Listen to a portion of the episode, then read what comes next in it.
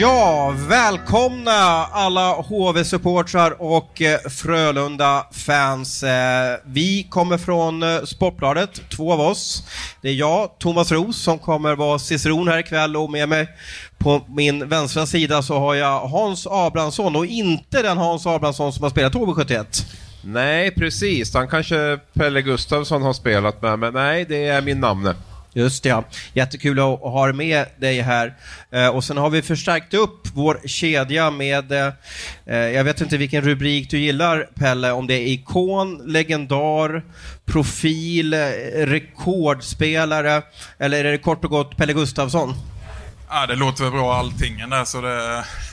Nej, det är Pelle Gustafsson är väl vi ska göra en livepodd här eh, under 45 minuter inför matchen mot Frölunda. Eh, jättekul om ni stannar till och lyssnar. Vi ska prata mycket om säsongen som har varit och vad som komma ska i slutspelet. Vi ska minnas lite HV-minnen från svunnen tid och så ska vi eh, också låta vår gäst Pelle Gustafsson ta ut ett, ett Dream Team. Vi börjar med dig Pelle lite. Va, va, vad gör du nu för tiden? Du slutade 2000 10 med eh, ännu ett SM-guld. Men vad, vad, gör du nu för något? Eh, nu är jag tränare och eh, sportchef i HC Dalen, eh, Hockeyettan. Eh, så jag håller fortfarande på med hockey. Det är hockey som gäller. Vad är det som gör, alltså, du, du var aktiv på isen i, i, i 20, 20 år i HV71, vad är det som gör att du orkar kuska runt i bussar och, och sena kvällar och ja, du vet, jag kan tänka mig att du är allt i allo i, den där, i det där laget. Ja, det, så är det väl och eh, tanken 2010 när jag slutade så hade man väl eh, många sömnlösa nätter vad man skulle hitta på. Det, det, det blir, eh, det blir tomt. Det, och man börjar fundera. Jag hade lite funderingar på att komma ut i arbetslivet men sen funderar man vidare. Vad, vad är det man kan? Och jag ser det väl som jag har utbildat mig i 20 år inom hockeyn och eh, gillar det. Gillar klimatet och tycker det är intressant att jobba med de här unga killarna.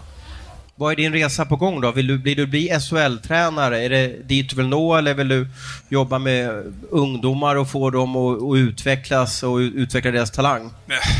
Jag har väl inget mål så, men det, jag vill ju vidare med min tränarkarriär så. Sen ska det ju vara något som passar och som känns inspirerande och eh, så man får något tillbaks av det med. Mm. Vad är din relation med HV71 idag då? Nej, men det är ju alltid som det har varit. Det, de ligger varmt om hjärtat och man lider med dem i motgångar och man gläds i framgång. Så det, det är jätteroligt när det går bra. Mm. Ser du varje hemmamatch? Nej, det gör jag tyvärr inte. Utan det blir att man har fokus på ja, Hockeyettan-lagen och sitter och tittar på de matcherna. Det, och vi tränar klockan sex varje kväll och då blir det inte mycket tid över. Nej. Abris, eh, vi ska inleda här med att prata om HVs säsong. Eh, jag vill påstå att det har varit som en berg och dalbaneresa 2018-19. Ja, det var en bra beskrivning faktiskt. Det är, eh, oavsett hur det går den här avslutningen på säsongen så är det väldigt intressant att läsa HVs analys av det här. För det, det känns som att det är en väldigt svåranalyserad säsong. Det, är, eh, det har verkligen gått upp och ner. Man har en väldigt tuff period där Johan Lindbom innan han fick sparken och sen hade man ju en fantastiskt overklig period nästan ett tag med Stefan Lund där och sen har man haft en riktigt svag period igen nu efter landslagsuppehållet. Och det är ju både poängmässigt men även statistikmässigt har det ju spretat under hela säsongen. Där när det ena har funkat så har inte det andra funkat. Och när under Stefans eh, bra period, eller Stefan Lunds bra period, då fungerade ju i stort sett allting då. Så att det är väldigt svårt att, att, sätta fingret på vad det är som gör de här höga bergen och djupa dalarna. Pelle, du som har varit i uh elitlags omklädningsrum i väldigt många år. Vad är det som gör att man hamnar i en formsvacka och även i en formtopp? Eh, ja, det, det kan ju vara många olika anledningar där och det, det, det, är väl det som är tjusningen med det. Det är ju det som är det svåra, att hitta vägarna ur det här och man försöker, jag vet hur det är. Vi, man försöker hitta olika vägar. Vad gör vi för fel? Man sitter och analyserar. Sen, sen är det grund och botten får man gå till de här enkla grejerna som det handlar om. Det är att vinna sina kamper där ute. Det gäller att inte ta de här utvisningarna och täcka de här skotten. Det, det handlar om att äta sig tillbaks på något sätt. Det är väl väldigt mycket mentalt också, är det inte det? Att man, man oj nu har vi förlorat mycket, att man blir osäker på vad man själv kan. Ja, nej men det blir ju oroligt. Eh, självförtroendet sviktar ju och självförtroendet är väldigt viktigt. Men eh, då gäller det att man eh, ja, gör de här enkla sakerna, bygger upp det igen, börjar från noll och spelar kanske lite smartare. Man tittar då på HVs, man har ju förlorat åtta av nio matcher nu efter, efter landslagsuppehållet här, så det är en sak som verkligen sticker ut så är det ju boxplay-spelet som har varit katastrofalt dåligt och nere på 40 ett tag. Hur kan det plötsligt bli så dåligt? när det har fungerat riktigt bra under resten av säsongen. Ja, det, det, man har, jag, jag, tror när det gäller boxplay och powerplay så tror jag man har vissa perioder där allt går in. Man har självförtroendet och eh, Eh, det brukar jämna ut sig. Man brukar ligga på en eh, ja, 20% i powerplay, sen ligger du på en 85 i boxen kanske. Eh, så det tror jag jämnar ut sig. Men eh, det, det, det jag säger, det, eller det jag menar på att eh, det, utvisningar, det kanske inte är att det resulterar i mål eller du, du, lämnar hela momentumet över till motståndarna. Du kanske får slita hårt på vissa spelare, så det är mer det jag känner. Du har ju säkert varit med om, om eh, eh, formdalar. Vad hade du för personliga liksom, tics eller grejer för dig för att inte tänka för mycket på att jobbet då, alltså du jobbade som hockeyspelare, var, var lite tufft? Uh, ja, nej, jag kan väl säga, jag åkte ju inte till ICA Maxi och handlade när det, man var i en tung period. det, det fick frugan göra? Ja, så det... Nej, jag, jag körde nog lite terapi nere i källaren på något projekt eller försökte göra något annat. Men det är svårt i Jönköping när alla andas ishockey att inte bli berörd av när det går lite tufft? Ja, nej men det, det är ju det som är det positiva med det berör så många och alla nu kanske det gnälls en del när de förlorat lite matcher men det, det är ändå positivt för det berör och det, det är ju det det ska göra. Var du med på den tiden, var det inte HV71 som åkte buss också runt, runt en sväng här för att eh, få bättre, få bättre hemmatrend eller vad det var för någonting? Jo, det, jag var med där. Det var ju Kurt Lundmark vi hade som tränare och vi vann bara på bortaplan och så skulle okay. vi möta Färjestad hemma som Ja, de var riktigt bra lag. Så vi fick åka till VIP i Mullsjö och fika där och sen till matchen här och så vann vi. Och ni vann alltså ja, ja. Men en sån sak kan alltså liksom bryta en, en, en dålig trend eller att man börjar garva lite och kanske... Ja, ja nej, men så är det. Man kanske ska släppa axlarna lite, dra ett skämt för killarna och ja, ut och kör. Vad, vad tippade du HV inför säsongen, Abris? Jag tippade HV 8, vill jag minnas. Så. Och det är ungefär där de ligger just nu då. Var, varför varför tippade de inte högre? Jag var inte lika imponerad av lagbygget som många andra var. Jag tyckte man hade kanske siktat in sig på lite fel typ av spelare. Jag saknar lite, lite, som lite karaktär, lite taggighet i, i, i lagbygget, så det var väl lite grann det. Ändå så värvar de ju väldigt namnkunnigt med, med, med Ljung, Nils Andersson, eh, Turesson och så vidare. Det är ju nästan till kronor kan man kalla det för. Ja, har varit i alla fall där och det är väl alltid en avvägning där. Det är ju skickliga spelare men, men det är ju så mycket annat också som spelar in. Det gäller ju att se, har, man det där, har de det där drivet liksom för att göra laget och de andra bättre? Liksom, är de hungriga efter att vinna? Det är ju sådana aspekter också som kommer in. Och där var jag lite tveksam faktiskt till, till HVs strategi, för man valde ju ganska mycket spelare runt 30, strax under 30, som var etablerade på SHL-nivå och sådär, men som man kanske inte riktigt har varit med och, och vunnit sådär mycket och, och så. Va? Så att, eh, jag känner lite tveksam. Samtidigt vet jag att marknaden är begränsad. Det är svårt att hitta spelare. Och Skellefteå har försökt att plocka in lite med Olimbo och Altonen och HV plockade in eh, de här som du nämner nu, Jocke Andersson där också. Så, där. så det finns ju ingen uppsjö, men jag är lite besviken på att de inte liksom försöker bygga vidare på det här som man hade vid guldet. Där man tycker man hade en yngre kull underifrån som tryckte på de här gamla lite grann. Nu känns det som att det varit lite ja, lite jämn, jämn, eh, för lite nyanser i truppen. Mm. Varför är det viktigt med, med unga spelare som, som driver och sätter press på de äldre? Vad, vad får det för inverkan på laget? Nej, men det, det, det, är väldigt viktigt tror jag att du har den här balansen och sen tror jag det är viktigt att ha de här äldre spelarna med. Speciellt när man går in i slutet på en säsong och det är slutspel.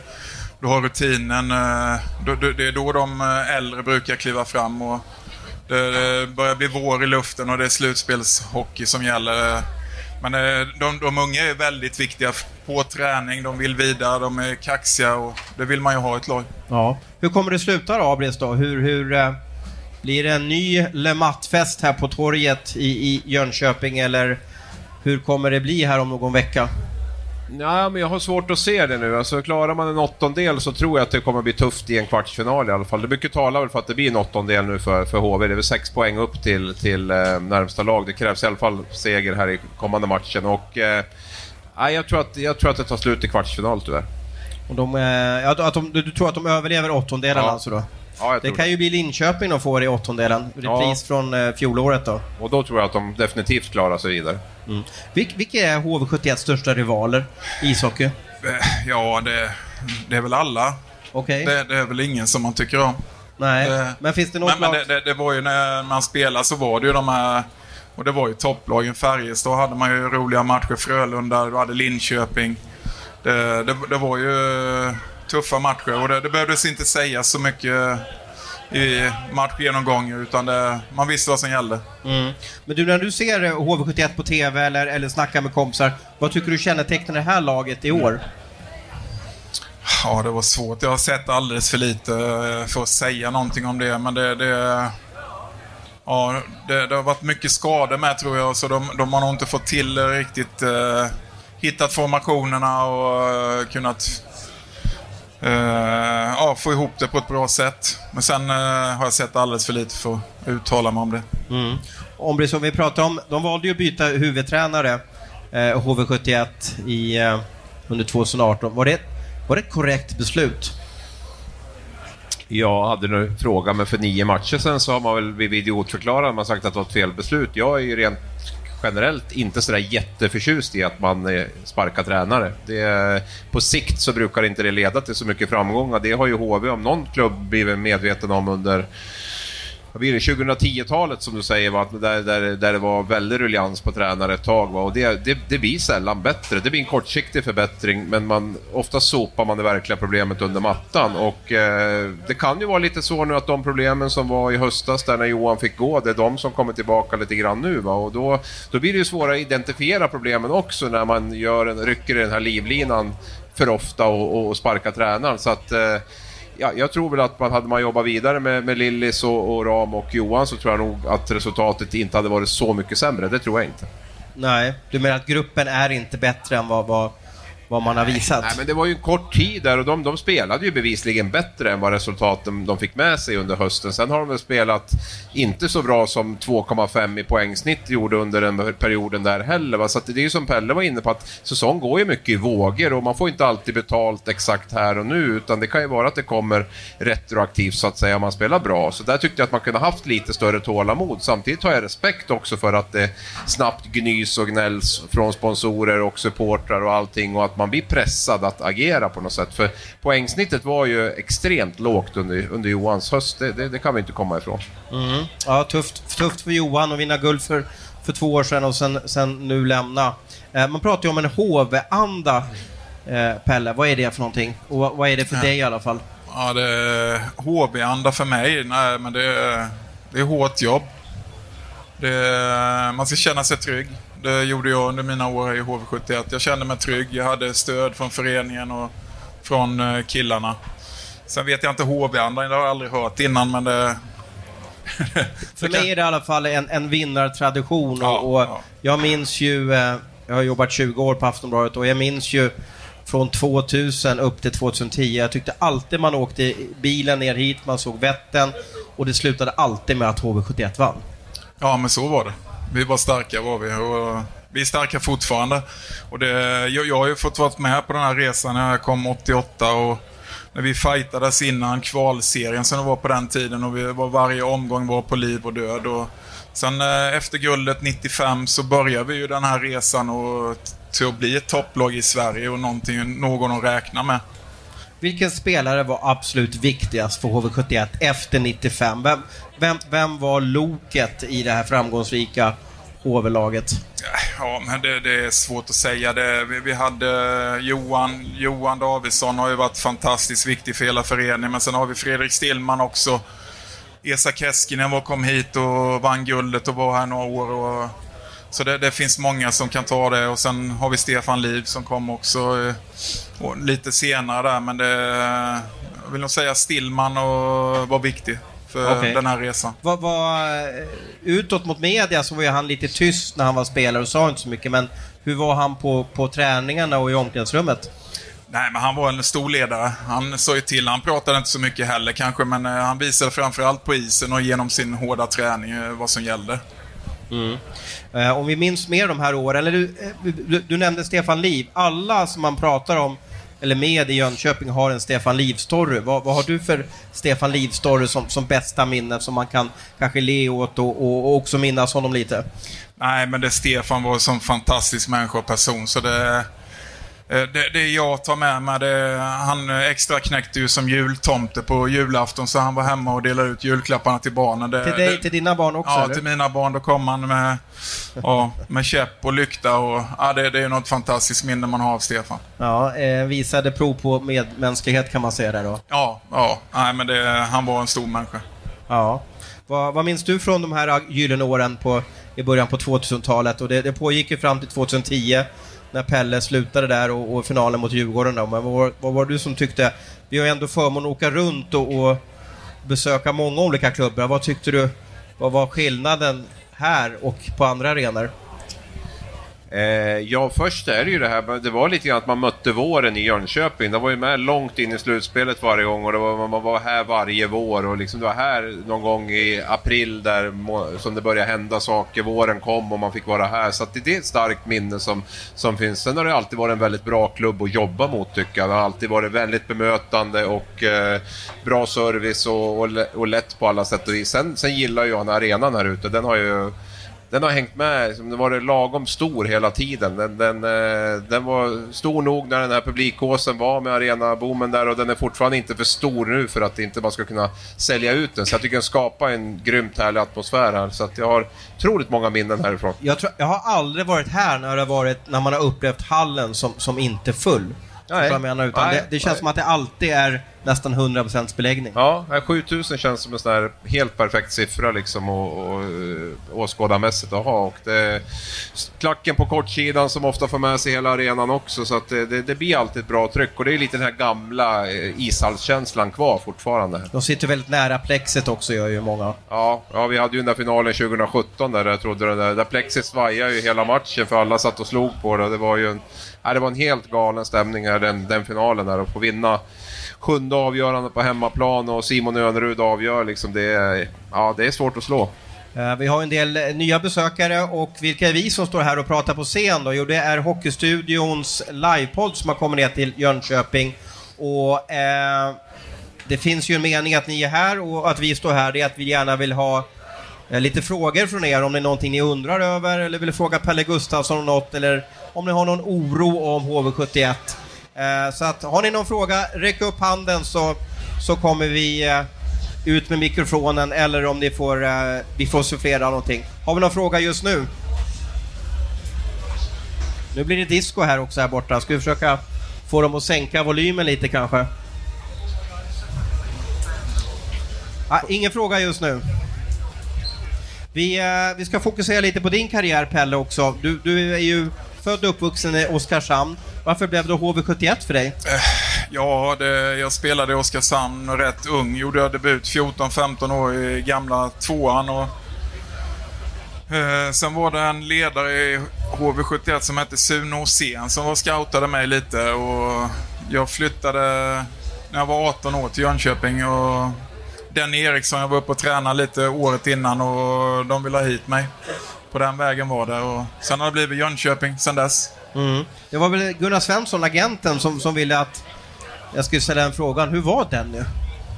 Nej, men den är, ja, är en fantastisk människa. Han har gjort fantastiskt mycket för HV71 och det, det går mycket historia om Denny, men det är en varm människa var han innerst inne. Var det gamla skolan att man, man gjorde ett handslag och, och så blev det så? Eller vad var det som... Hur, hur var han unik på för sätt? Nej, men det, det, han var ju rak och ärlig. Det, det var ju det han var. Och sen sa han vad han tyckte. Och skulle man förhandla kontrakt så var det bara att gå...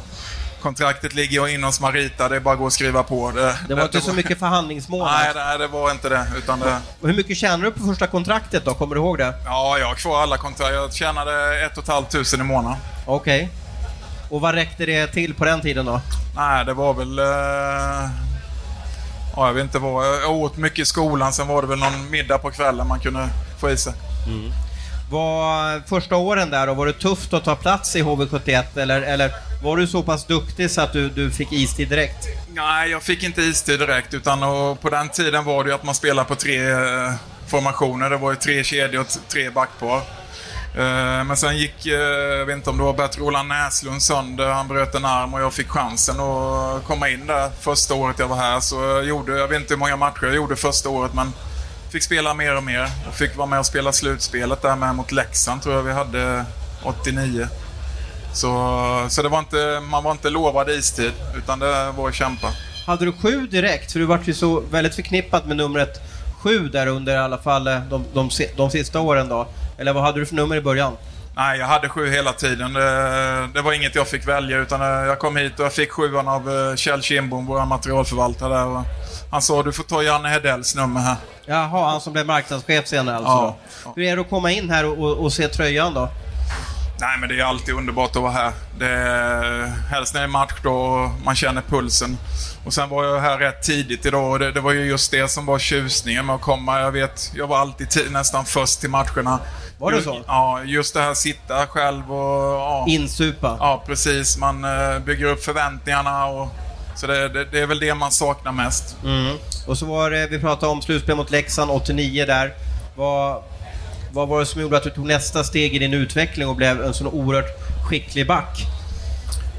Ja, jag vet inte. Det, det, det kändes som... Eh, jag gjorde väl eh, Tre Kronor-debut 92 ändå, men sen var det väl lite så. Eh, på den tiden var det kanske att man tog de här lite äldre spelarna. Man satsade lite mer på säkra kort och det var ju tuffare att slå sig in på den tiden för en ung kille. Och det vill jag inte skylla ifrån heller, men, men sen lärde jag mig mer och mer och sen har jag jag fick Sune Bergman 94-95, då kom det stora steget för mig och fick stort förtroende. Ja, och det, det var väl mycket att tacka Sune för det. Hur var hysterin i Jönköping under det första guldåret? Nej, det var helt otroligt. Man, det, det var som en saga alltihop. Vi slutade åtta i serien och få Djurgården i första matchen och sen Malmö och sen eh, slog vi ut dem här. Så det, nej, det var... Man trodde inte det var sant. Man levde en dröm. När, när förstod du, eller när kände du att vi har någonting riktigt bra på gång? Nej, men det, det, jag tror inte... För när vi slog ut Djurgården var ju det en skräll och vi var nöjda, eller nöjda, men sen började vi underläge 2-0 i matchen mot Malmö om jag inte har fel där. Och vi kände oss väl lite nöjda, men sen lyckades vi vinna en match där nere i sadden. Och då kände vi det här är ju inte eh, slut än. Och då var Malmö regerande mästare om jag minns ja, rätt. Här. Ja, och fantastiskt lag i Malmö. Och sen vann vi rätt klart där hemma och sen sista matchen vann vi 6-2 ner i Malmö. Och då, och då var det ju så. det- Vi hade många som gjorde sina sista år. Thomas Ljungberg, Ove Törnberg och... Så det här var ju chansen för oss. Ja.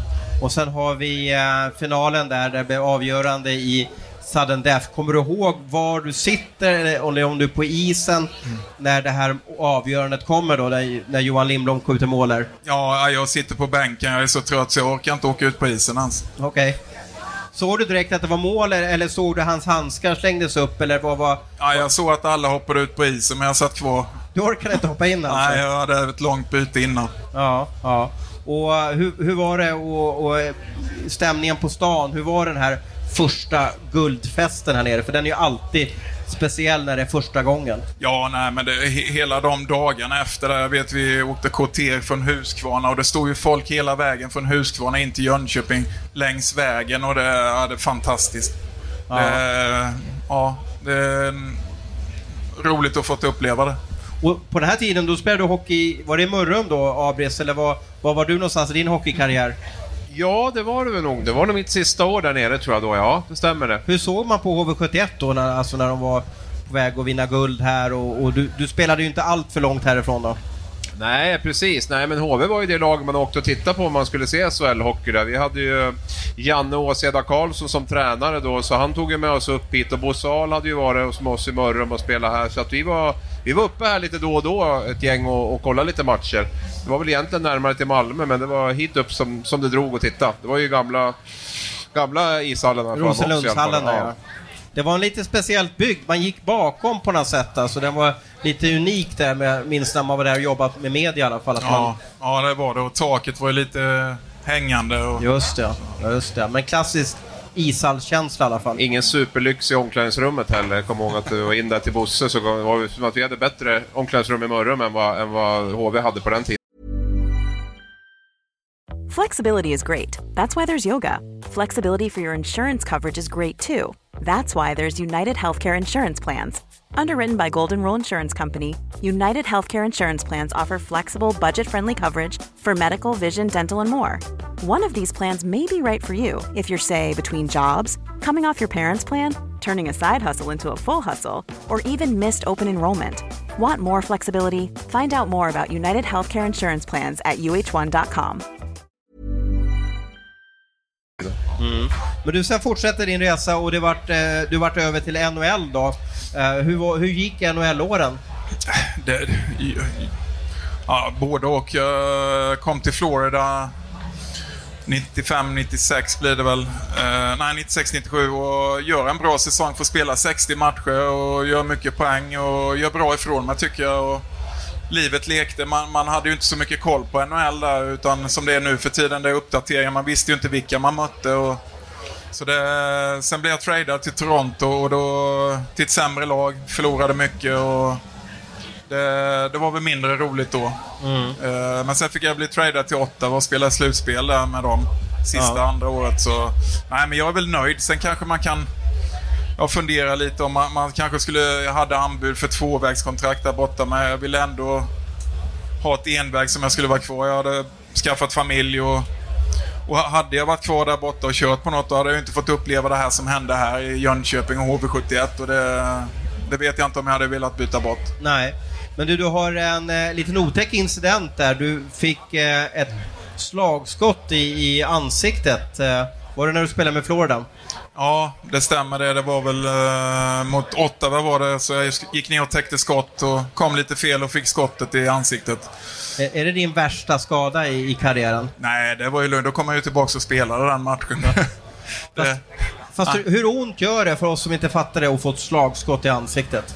Nej, men det känns ju. Just den incidenten bröt jag både näsan och spräckte läppen och tryckte in tre tänder. Så det, visst gör det ont, men det... Åh, när jag säger det, när adrenalinet sprutar och det, det, det gör ondare på natten. Ja, och sen kom du alltså ut. Var det här i första perioden? Och ja, sen var... så kom du ut igen i, i, tredje perioden? Ja, då kom jag ut och då blev det ju stående ovationer. Så det, det var ju stort där. Då satte jag på ett visir och ut och körde. Är han, är han galen eller vinnarskalle, Abris? Ja, både och kanske. Va? Men, nej, men det är väl en sak av det som man förknippar med Pelle Gustafsson och hans karriär. När man tänker tillbaka så är det en otroligt oöm spelare. Sen var han ju skicklig också. Det ska vi inte glömma bort. Jag tror du hade poängrekordet för backar en säsong i SHL va? Ja, det, passningsrekordet ja, för, ja, för det stämmer nog riktigt. Ja, ja, jag vet inte ja, riktigt. Så det, är ju, man, det första man tänker på när man ska tänka tillbaka på spelet, det är just den här oömma spelstilen. Alltid offra sig, alltid i vägen för skott. Liksom, spelad oavsett. Det, det är det jag förknippar med honom. Så att, eh, det var nog både vin, en galen vinnarskalle kan man väl säga då, men som också hade en hel del spel i sig. Mm. Och när du kom till Florida, innan vi började podda då, så berättade du lite, för då spelade Florida Panthers i en arena nere i, i centrala Miami. Och det var kanske inte den trevligaste miljön. Nej, det, första gången jag var där blev det en liten chock för då stod ju beväpnad polis vid varje övergångsställe, trafikljus. Och det, då fick man ju så undra var man hade kommit. Men det, det, det gick bra, man lärde sig det med. Ja. Det är kontraster där med Miami och Jönköping kan man säga va? Ja, det är lite. Mm. Du, eh, när du sitter och pratar med kompisarna då, vad, vad är ditt bästa hockeyminne? Ja, jag har så fantastiskt många minnen och eh, hockeyn har gett mig så fantastiskt mycket och just HV71. Eh, men sen brukar jag alltid säga det, det är guldet 95. Det första alltså? Ja, det, det, det, slår inte mycket. Men sen är det guldet 04 med... Det var också en fantastisk resa. Och sen eh, minnena är jag, jag säger jag är glad att ha spelat i HV71 i 20 säsonger i en och samma förening och det, det, det är ett rekord som jag inte tror kommer slås vad var 04-guldet? Vad var det som gjorde att du, du upplever det som ja, en, en resa som du pratade om? Nej, men vi, vi, hade ett bra lag och uh, jag kommer ihåg vi var i underläge, åker upp till Karlstad. Uh, ser att de har dukat för guldbankett. De har... Aftonbladets löpsedlar, guldet och allting ligger där som vi ser och vi vinner den matchen med 1-0. Det är Ste- nog- Stefan Liv är nollan antar Ja, jag. och Lausson får avgöra där. Så det, eh, det Släkten var, är värst. ja, så det var en av de roliga matcherna. Och sen här hemma i sista avgörande var det 5-0. Det var inget snack. Nej, Så, nej. ja, Så de hade dukat upp till fest och sen var ni festförstörare kan man kalla det för Ja, då. ja. Det underbar match. Ja. Och fy, fyra SM-guld för samma klubb under en 15-årsperiod. Det är ju helt... Jag vet inte, det är otroligt imponerande.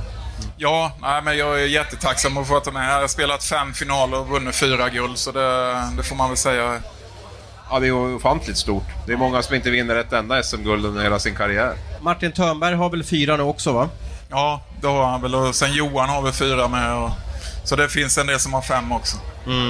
Precis. Ja, det är en jättefin eh, karriär du har haft då. Eh, 2010-finalen då, vad minns du från den då? Det blev ju, dina, det blev ju din eh, sista hockeysäsong där. Det här guldet där, eh, där, eh, där, där eh, HV och Djurgården möttes och ni avgjorde på Hovet där i match 6. Ja, då hade jag en skadefylld säsong och la faktiskt av mitt i säsongen där. Men sen kom jag tillbaks lite och spelade lite då och då. Inte mycket delaktig i det guldet kan jag säga. Men det var ju en fantastisk matchserie och få vara med om och, och få avsluta på det sättet med, med ett guld. Det, ja, det, det var stort. Du spelade hockey i, blev det cirka 30 år eller vad, vad, vad, hur mycket blev det till slut? Ja, det blev väl 25 i alla fall. Ja. Och vad, vad var priset som du fick betala i skador i, och sådär? Du pratade om att du har lite ont i nacken ibland och, och sådär. Ja, nej men det känner man. Man, man börjar ju bli äldre och äldre och man, man har sina krämpor och det är nacke, rygg och ja, höfter och axlar som känns av lite och man har gjort lite operationer som man börjar känna av. Ja. Men eh, visst var det värt det? Absolut. Ja. Det är inget jag ångrar idag. Nej. Så fick du vara med i landslaget lite också där och, och vad är ditt bästa landslagsminne då? Ja, nej men det var väl VM 96 där. Eh, innan jag åkte över till Florida. Jag tyckte jag gjorde ett bra VM. Tyvärr så åkte vi ut i kvartsfinalen mot USA. Eh, men, jag har bra minnen därifrån och var själv nöjd med min insats. Så det är väl det stora minnet jag har från Tre Kronor. Sen var det alltid roligt att få ta på sig landslagströjan och spela. Så det var en ära. Men visst var du med 03 också i, i Finland där? Ja, jag var med där på ett hörn och det var väl då vi vände mot Finland. 5-1 till, till 6-5 med, med, det var ju ett fantastiskt bra lag. Ja. Och sen var det Anson Carter som förstörde finalfesten där då. Ja, ja nej, det, den vändningen mot Finland satt jag faktiskt på. Jag spelade inte, men eh, när det stod 5-1 då ringde jag hem till min fru och sa jag kommer nog hem imorgon. Jaha, okej. Ja, det var sån. Ja, jag vet. Jag satt på pressläktaren där och då vet jag att det var en finsk hockeysupporter som slängde en öl på mig då och sa väl något elakt där om, om, om svenskar och sen så vet jag när Sverige vände till 6-5 så vände jag mig väl om och sa någonting tillbaka till honom för det, det, är, ett, det är ett underbart hockeyminne. Du, vi har ju många supportrar som står, och- står och lyssnar på oss. Eh, vad, vad, vad är din relation till HV-fansen och vad gör de så underbara?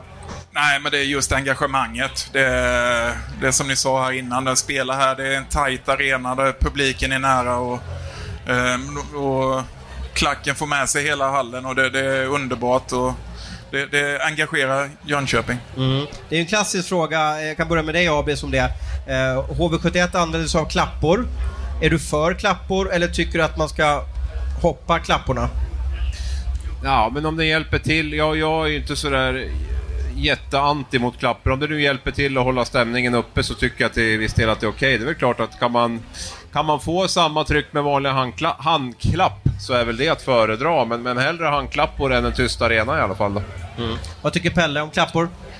Nej, men det det ljudnivån blir ju högre så det, det blir en bra inramning. Ja, och du är ju lika gamla som, som vi är. Du får inte problem med hörseln då? För jag tycker att det är lite... Jag, jag är kanske mest gubbe av oss här. Jag, jag tycker att det är lite jobbigt för hörseln när, när det slår. Jag kan säga så att när jag sitter på läktaren tycker jag det är lite jobbigt, men Okej. på, på isen märkte man ju inte av det. Vad är din favorit HV-ramsa då? Du behöver Ja. inte sjunga, behöver du inte, men... Nej, nej.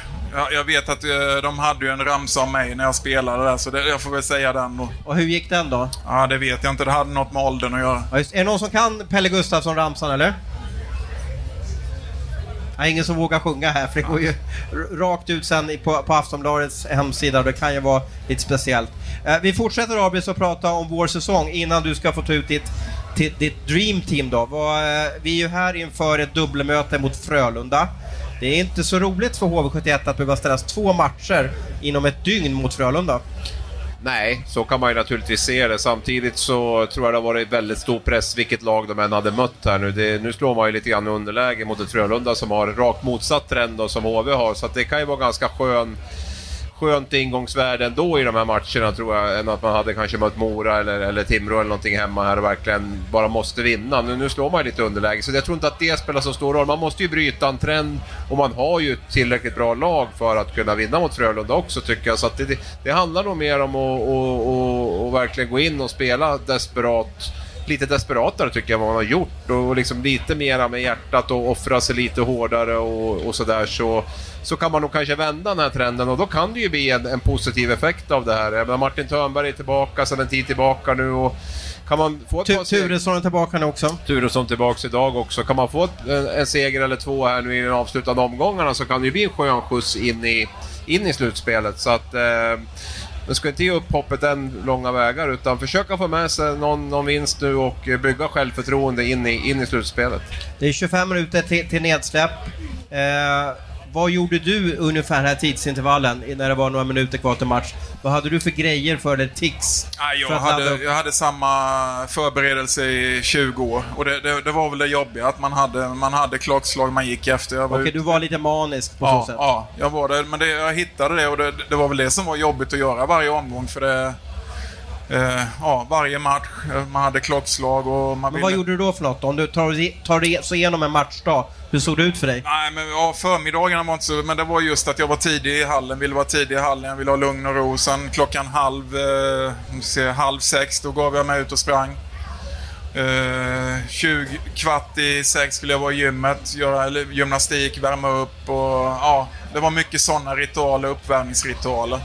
Kunde de störa dig om de liksom ville göra pranka dig på matchdagen där, eller hur? nej, nej. Det, det, det enda var ju om man kom sent till match, det gillade jag inte. Nej, nej. Eh, du fick ju en liten hemläxa inför den här livepodden. Det var att ta ut din eh, drömsexa, eller drömfemma med målvakt.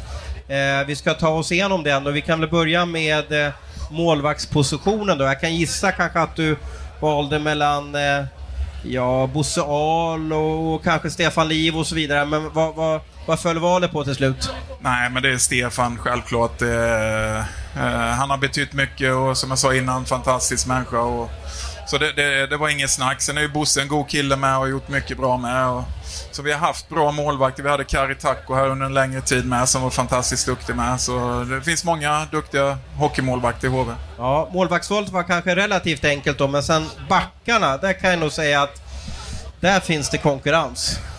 Nej, det tycker jag inte. Okay. Jag, jag tar ju ut mig själv och sen får Stille vara med där, så det, det är inget snack. Nej. Vad var, var Stille bra på isen då? Vad var det som gjorde att det var så behagligt att spela med honom?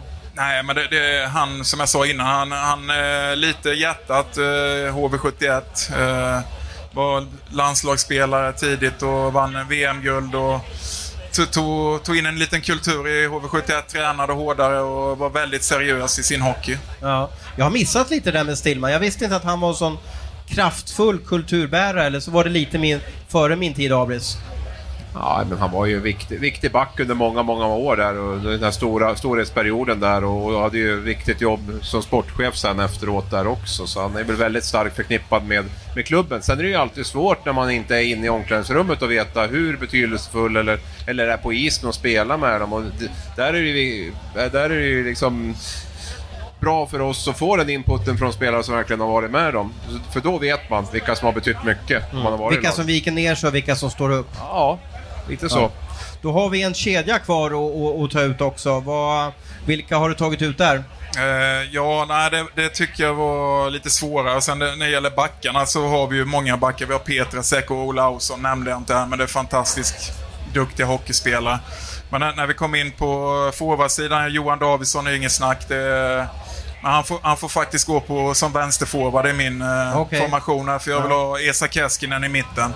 Mm. Uh, och sen är det svåra här med, nu, nu valde jag lite mellan uh, Martin Törnberg, Jukka Voutilainen, Andreas Karlsson, men uh, jag tog Jukka där. Han mm. gjorde det fantastiska år här i HV71. När han var som bäst så kändes det som att det var helt omöjligt att trycka bort den från, från området framför mål och han satte dem alltid en millimeter under ribban. Ja, nej, fantastiskt skott och nej, han var väldigt duktig, Jocke. Vad säger du om drömkedjan då, Abris? Är det, är, det, är det någonting som du tycker att, hur kan de ha missat den här spelaren? Nej, det är nog bara slicka som munnen. Jag tycker väl Keskinen och Davidsson känns helt givna också om jag skulle ta ut en sån femma. Sen, kedja. Sen kan man väl alltid diskutera tredje länken. Det är klart att en sån som Martin Törnberg har gjort också väldigt mycket här i, i, i föreningen då, men eh, Nej, jag, jag, jag, kan köpa den, den kedjan rakt av. Ja. Keskinen hade väl fantastiska handleder va? Ja, det, det, är nog den bästa spelaren. Eh, spelintelligensen jag har mött på. Det, han, han, var fantastisk med klubban. Hur var han i omklädningsrummet då? Alltså kunde han, kunde han svenska eller engelska eller hur kommunicerar man med honom? Ja, han, kun, han kan svenska när han pratar med mig säger han, men han vill inte prata med okay. Utan han är en jättehärlig kille och sen var det lite speciellt med så han hade Klubborna på den tiden var ju i trä och han hade väldigt, väldigt tunna klubbor så... Okej, lite rakbladsmässigt? Ja, han hade rätt bra vinkel men de gick ju sönder så han, han vann alla tek i försvarszon men i de andra zonerna sket han i det. Aha, För okay. klubban kunde gå sönder. Det var skaftet som var tunt alltså? Ja, ja skaftet var tunt alltså. Okej. Okay. Ja. ja, det var en, en av mina idoler där. Eh, du har ju ett klubbrekord som, som eh, jag hade missat här. Det är att du har gjort snabbaste målet, HV-målet, i, i högsta serien. När var det här och hur gick det till? Ja, årtalet vet jag inte, utan jag vet ju att det var uppe i Luleå och det var Granqvist som stod i mål. Erik Granqvist via ja, satt ja. Ja, målvakts.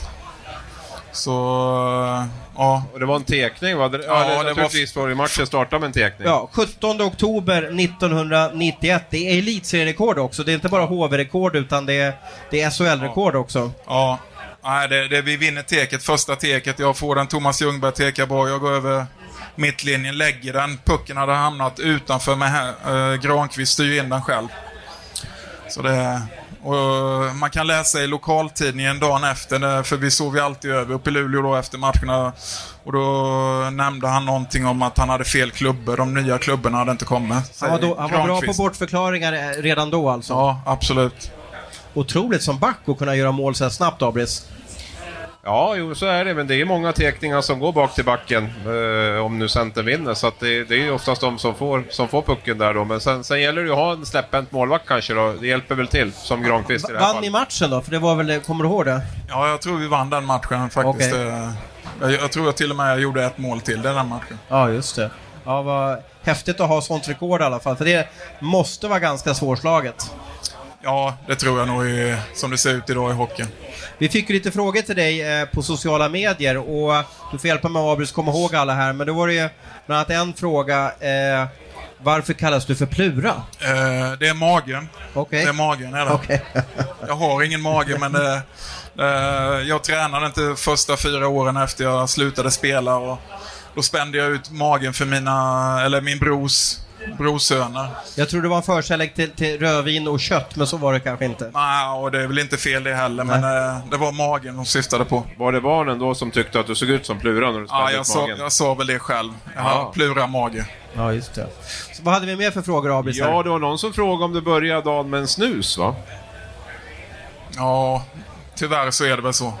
Det... Portion eller grov, grovsnus eller vad är det för något som du... Nej, det, det är både portion och lös. Jag okay. kör både upp och nere. Ja, just det. Varför är det så att hockeyspelare eh, i allmänhet är, är... Alltså det är väldigt många som snusar. Vad beror det på? Uh, ja, nu vet jag inte hur det ser ut, men det, det, det ryktet har ju alltid gått. Men när jag har spelat i HV så har det faktiskt inte varit. Det, det är många som inte har snusat med. Okej. Okay. Eh, men jag vet inte varför det är så. Det, det är det dummaste jag någonsin har gjort, att börja snusa kan jag säga. När började du då? Nej, men det var väl när man var 16-17 kanske. Ja, just det. Just. Jag var i samma ålder när jag började. Jag slutade för ett år sedan, så det finns hopp för det. Om du bara vill. Ja. Vad har du för får... tips då att ge Abris då? Sluta. Sluta? Ja. Bit ihop, för det är tufft. Det är som att tappa en kompis faktiskt. Ja. Att, eh, men första halvåret är jobbigt. Ja. Hade vi någon mer fråga på, på Facebook eller sociala medier? Det var några andra där som hade några frågor om jag minns rätt då. Jag har ju gått igenom den nu där från, från, eh, från Svesse och sen var det Plura som sagt var, sen var det snusen där. Du, när det är fredag kväll så här Pelle och, och det är stormatch, det är HV mot Frölunda. Rycker inte kroppen? Vill du inte vara med? Jo, men det vill man ju, men man måste inse sina begränsningar med det. Jag är så tacksam att jag har fått vara med under så lång period och göra det här. Så det, jag kan förstå killarna, adrenalinet pumpar där man står igång, man ska ut där fullsatt arena. Så det, visst saknar man det, men, men man är ju nästan 50 år nu, det måste ju hejda sig något. Vem är den bästa tränare du har haft? Eh, det, det, är svårt det, det. Jag, säger, jag brukar ta upp några tränare. Sune Bergman var... Ja, han och jag, när han kom till HV71 så sa han grejer som jag också ville spela hockey. Och han tog väl HV från att vara där HV grå till att sticka ut lite. Han införde att vi tränar två gånger om dagen vissa dagar. Och vi, vi, eh, Sune var fantastiskt bra på många sätt och sen Pelle Mårts fantastiskt på det mentala med individer. Eh, så det, det, har haft många bra tränare så man, man har lärt sig mycket av alla. Vem påminner du mest om själv då, nu som när du är tränare? Ja, det är svårt. Det får jag ändå avgöra. Men jag försöker ta bitar av alla. Jag tycker Kenta Johansson hade fantastiska isträningar. Jag kör många av hans, hans övningar. Det... Sen har jag lite med det här med just individer, jobba med individer, bygga en grupp som Pelle Mårts jobbade mycket med. Det, det jobbar jag också mycket mm. Det, det, var ju din, eh, den du efterträdde i Dalen, Johan Lindbom, blev ju, blev ju huvudtränare i HV71. Är det en dröm för dig att en dag stå i den här arenan och trä, vara huvudtränare för HV71? Ja, på något sätt vill jag ju gärna vara delaktig där och uh, föra, ja, föra det vidare, men det, vi får se. Det... Är, du, är, du, nära vän med Hult och Davidsson?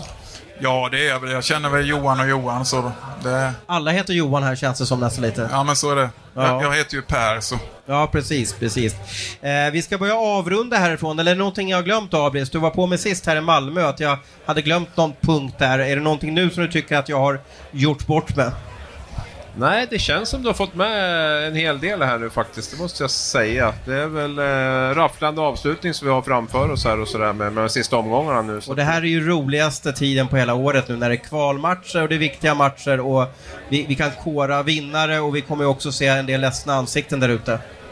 Ja, nej men så är det. Så är det. Och det är nu det allt ställs på sin spets, så det, det ser vi fram emot. Och då tackar vi för att ni har lyssnat på oss. Jag hoppas att vi har gett eh, någon vettig information och någon typ av underhållning till er. Och, eh, nu hoppas vi att vi får se på en otrolig hockeymatch. Och, eh, kanske, ja, vi får väl vara lite HV-mässiga då och säga att eh, det här klubbmärket som du har på bröstet, att, att det vore kul om de fick vinna ikväll. Ja, det, jag tror att det ligger lite i luften att de vinner idag faktiskt. Jag tror att eh, mm, mm. desperationen kommer att fälla utslag idag mot ett lite Frölunda som har vunnit en hel del. Jättetack för att ni lyssnade allihopa.